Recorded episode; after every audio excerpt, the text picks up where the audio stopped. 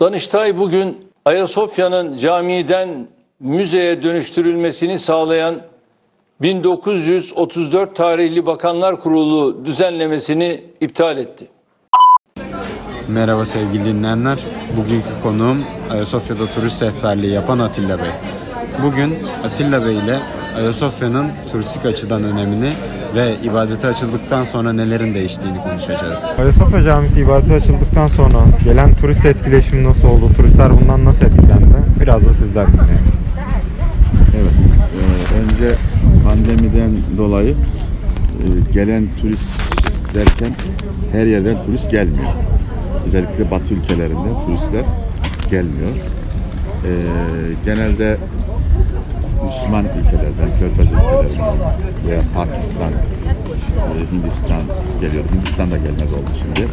Rusya'dan özellikle biraz bütçesi düşük olan turist kitlemeleri ülkemizde şu anda daha fazla zengin ülkelerden veya zengin turistler gelmiyor. Biraz da e, İstanbul özellikle e, sağlık turizmi için çok önemli bir nokta olduğu için işte saç ekimleri, burun ameliyatı, estetik ameliyatlar falan dünya ülkeleriyle kıyaslandığında İstanbul'da daha ucuza yaptırıyorlar.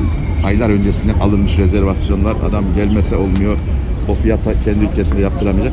Onun için mecburen e, İstanbul'a geliyorlar. En az 4 gün, 5 gün kalıyorlar veya bir hafta 10 gün. E, o tip bir turist kitlesi de var burada. Sağlık turizmi için gelenler. E, fakat Arap ülkelerinin de artık böyle e- e- çok zenginleri falan gelmiyor. E, bütçesine özen gösterenler daha az masrafla nasıl bu şey tutarız şeklindeki insanlar rehber bile almıyorlar. E, grup e, turistleri olarak da zaten gelmiyor birçok Arap ülkesi grup şeklinde gezmiyor. Efendim, şu anda gelen Avrupa mesela bir İtalyan gelmiyor, bir İngiliz gelmiyor, bir Hollandalı, Alman, Fransız gelmeyeli aylar oldu. Yani İtalyanca, Almanca çalışan rehberler eee, sıfır gelirleri. Gelirleri sıfır. Japonca konuşan rehberler. Turistlerin azalması onları da etkiledi yani. e, pandemiden dolayı pandemi öncesinde de pandemi öncesinde de birçok e, Avrupalı turist zaten gelmiyor Türkiye'ye. Bir takım siyasi nedenlerden alakalı şeyler efendim insan haklarıyla alakalı kendilerine göre düşündükleri neyse onun için de gelmeyenler vardı. Fakat e, cami olarak ibadete açıldı. Zaten cami olarak kullanılan bir binaydı. Benim anlamadığım ben bir e, turist rehberi olduğum için e, Ayasofya'nın her tarafını biliyorum. Neresi ibadete açık bölümü var. Arka tarafta Evet, evet. Cami olmadan önce.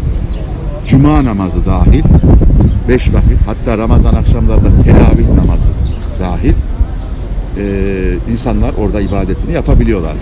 Mekan olarak biraz küçüktü. Fakat e, o küçücük yer bile dolmuyordu. Vakit namazlarında da dolmuyordu. E, tamamı ibadete açıldıktan sonra ne değişti? Bir kere e, bizim turist rehberleri olarak istediğimiz saatte diyelim bir turist grubumuz var veya bir turist ayarladık. Sizi Ayasofya'ya götüreceğiz. Şu kadar para alacağız.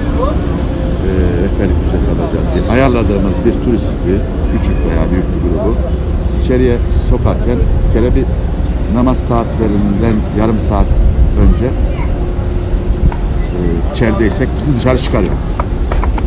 Boşaltın. Hanımlar hanımlar bölümüne, erkekler burada ibadet için sadece bulunabilirler. Ee, Müslüman olmayan misafirler hadi bakalım namaz başlayacak biraz sonra. Namazın başlamasına 20 dakika var veya yarım saat var.